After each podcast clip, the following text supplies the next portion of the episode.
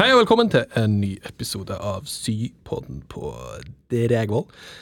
Uh, I denne her uh, veldig spennende todeleren så skal vi hoppe litt uh, tilbake i den kognitive verden, og vi skal se på langtidshukommelse i dag. Og egentlig så har jeg ikke så mye mer å si enn at meg og Andreas, vi gleder oss, så heng med.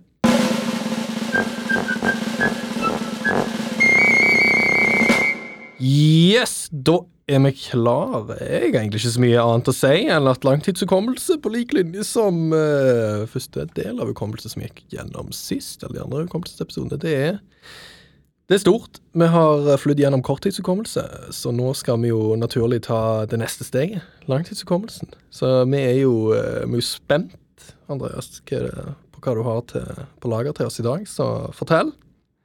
I dag skal vi uh, titte på hvordan man klarer å lagre informasjon over eh, lengre tid enn bare noen få sekunder. Um, for at dere skal kunne henge med på sammenhengen mellom denne strukturen og korttidshukommelsen, så kommer jeg til å starte med å forklare hvordan langtidshukommelsen skiller seg fra korttidshukommelsen.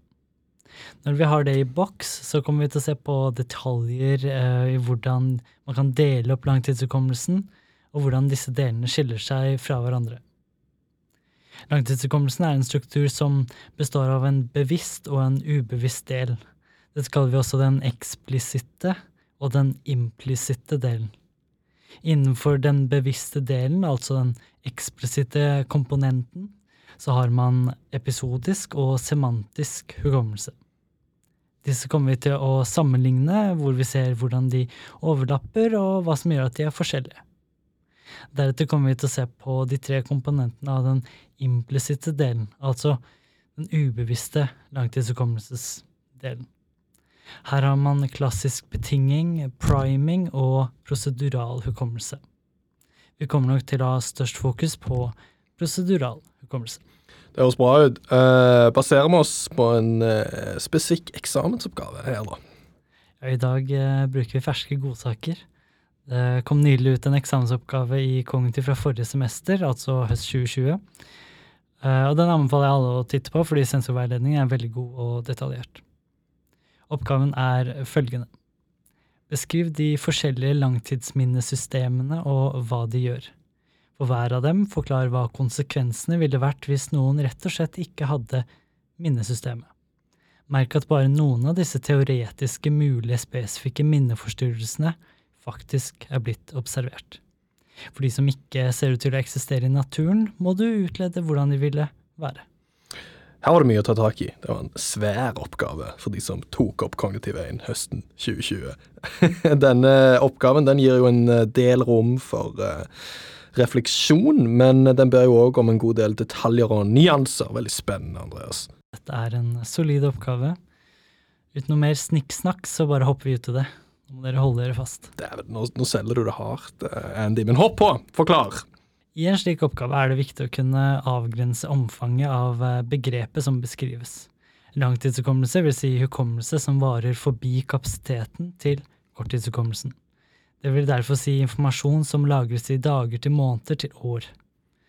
Et forsøk som viser godt en forskjell mellom korttidshukommelsen og langtidshukommelsen, er den serielle posisjonskurven, som ble funnet når noen deltakere ble presentert for en liste med ord. Man fant at deltakerne husker best de første og de siste ordene. Grunnen til at man husker de første ordene, kalt primacy effect, var fordi informasjonen hadde fått nok tid til å bli lagret i langtidshukommelsen. Grunnen til at man klarte å huske informasjonen som kom til sist, ble antatt å være et resultat av korttidshukommelsen. Så her ser vi konturene av en tydelig forskjell i tid mellom de to minnestrukturene. Interessant nok har man sett at hvis man gir deltakere en annen jobb, samtidig som de skal prøve å lagre informasjon, så kan man minske kapasiteten til arbeidskommelsen. Dette har vi snakket mye om før. For eksempel kan deltakerne bli presentert for tre ord, deretter bli bedt om å telle ned baklengs fra 15, før de skal gjenta tilbake hva de husker av ordene. Man har sett at hvis ordene har samme betydning for hver trial, så husker deltakerne dårligere for hver gang.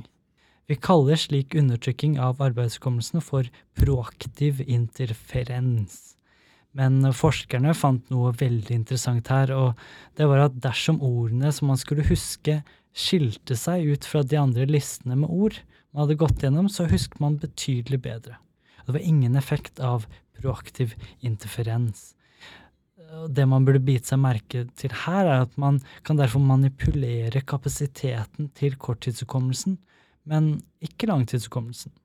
Dette forteller oss derfor at langtidshukommelsen er mer rigid og trygg enn arbeidshukommelsen. Vi kommer til å se senere i episoder at man også kan manipulere langtidshukommelsen, spesifikt når det kommer til klassisk betinging. Ok, her er det en del eh, viktige poeng som kommer fram. For det første så er det viktig eh, forskjell i varigheten på korttidshukommelsen kontra langtidshukommelsen. Eh, I tillegg så virker det som om langtidshukommelsen er mer stabil enn eh, korttidshukommelsen. Kan man si det sånn, Andreas? Slik kan man si det, Alex. Um, I tillegg til disse to forskjellene så har man også sett at um, det er en forskjell i hvilke hjerneområder som blir aktivert.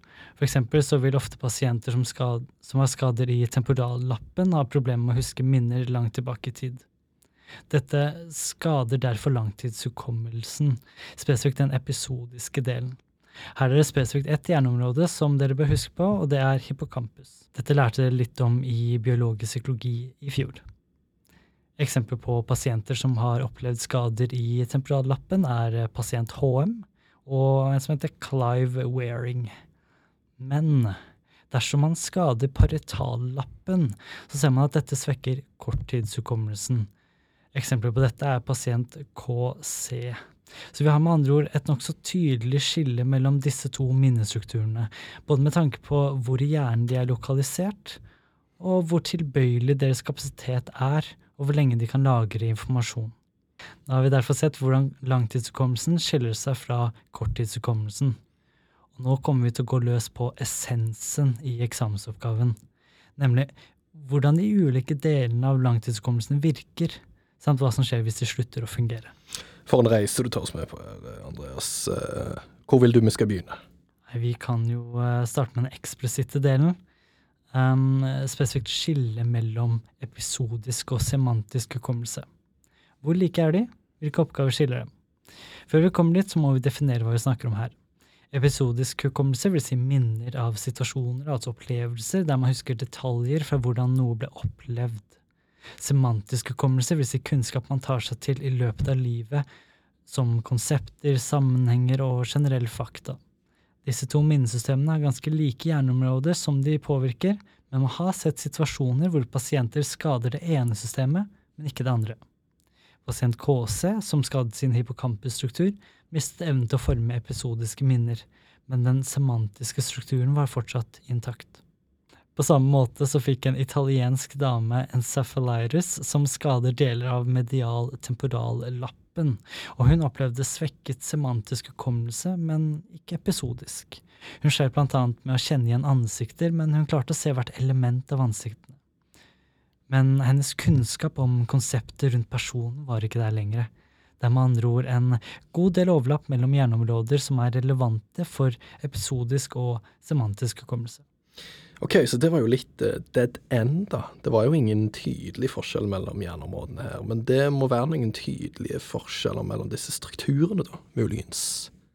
Skulle tro du hadde en utrolig luktesans, Alex, for her er du på sporet av noe. Oi, oi, oi. Den, vi leverer på dårlige vitser, det tror jeg. Det må vi. Absolutt. Ja. Uh, men man har jo annet sett uh, på hva som skjer med semantisk og episodisk hukommelse over tid. Om uh, synker kapasiteten, eh, hva er det som skjer her? Man har funnet at episodisk hukommelse er mer eller mindre stabil fra 35 til 60 år, men derfra synker kapasiteten kraftig. Semantisk hukommelse derimot holder seg godt fra 35 til 60. Den øker faktisk helt opp mot 60, eh, men herfra synker kapasiteten igjen. Men ikke like drastisk som den episodiske hukommelsen. Det er dermed en eh, forskjell i kapasitet mellom de ulike hukommelsesstrukturene. Men det er ikke dermed sagt at de ikke har noen overlapp. For eksempel så vil kunnskap man har tatt til seg i løpet av livet, påvirke hvordan noe blir husket. Hvis du er en profesjonell tennisspiller, så vil du huske en tenniskamp helt ulikt fra en amatør som ikke vet hva man burde se etter. Dermed ser vi her at filtrene som semantisk hukommelse oppretter, former hvordan minnene lagres. Dette høres jo litt ut som uh, top down og bottom up persepsjon, nesten, da. Kan man si det? Ja, definitivt. Her snakker vi om eh, både bottom up, hvor kunnskapen hentes ut av erfaringer, og top down, hvor disse erfaringene lagrer filtre som former nye erfaringer. Så det henger sammen ved at de former hverandre, og det er derfor det kan være litt vanskelig å kunne forske på det ene uten det andre.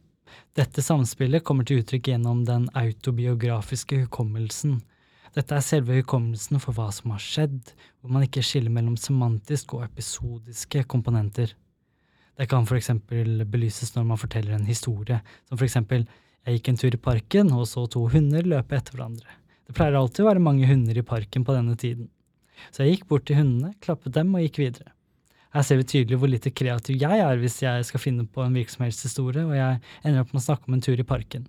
Og vi ser også at historien består både av semantiske, altså fakta, deler, og episodiske, altså erfaringsdeler.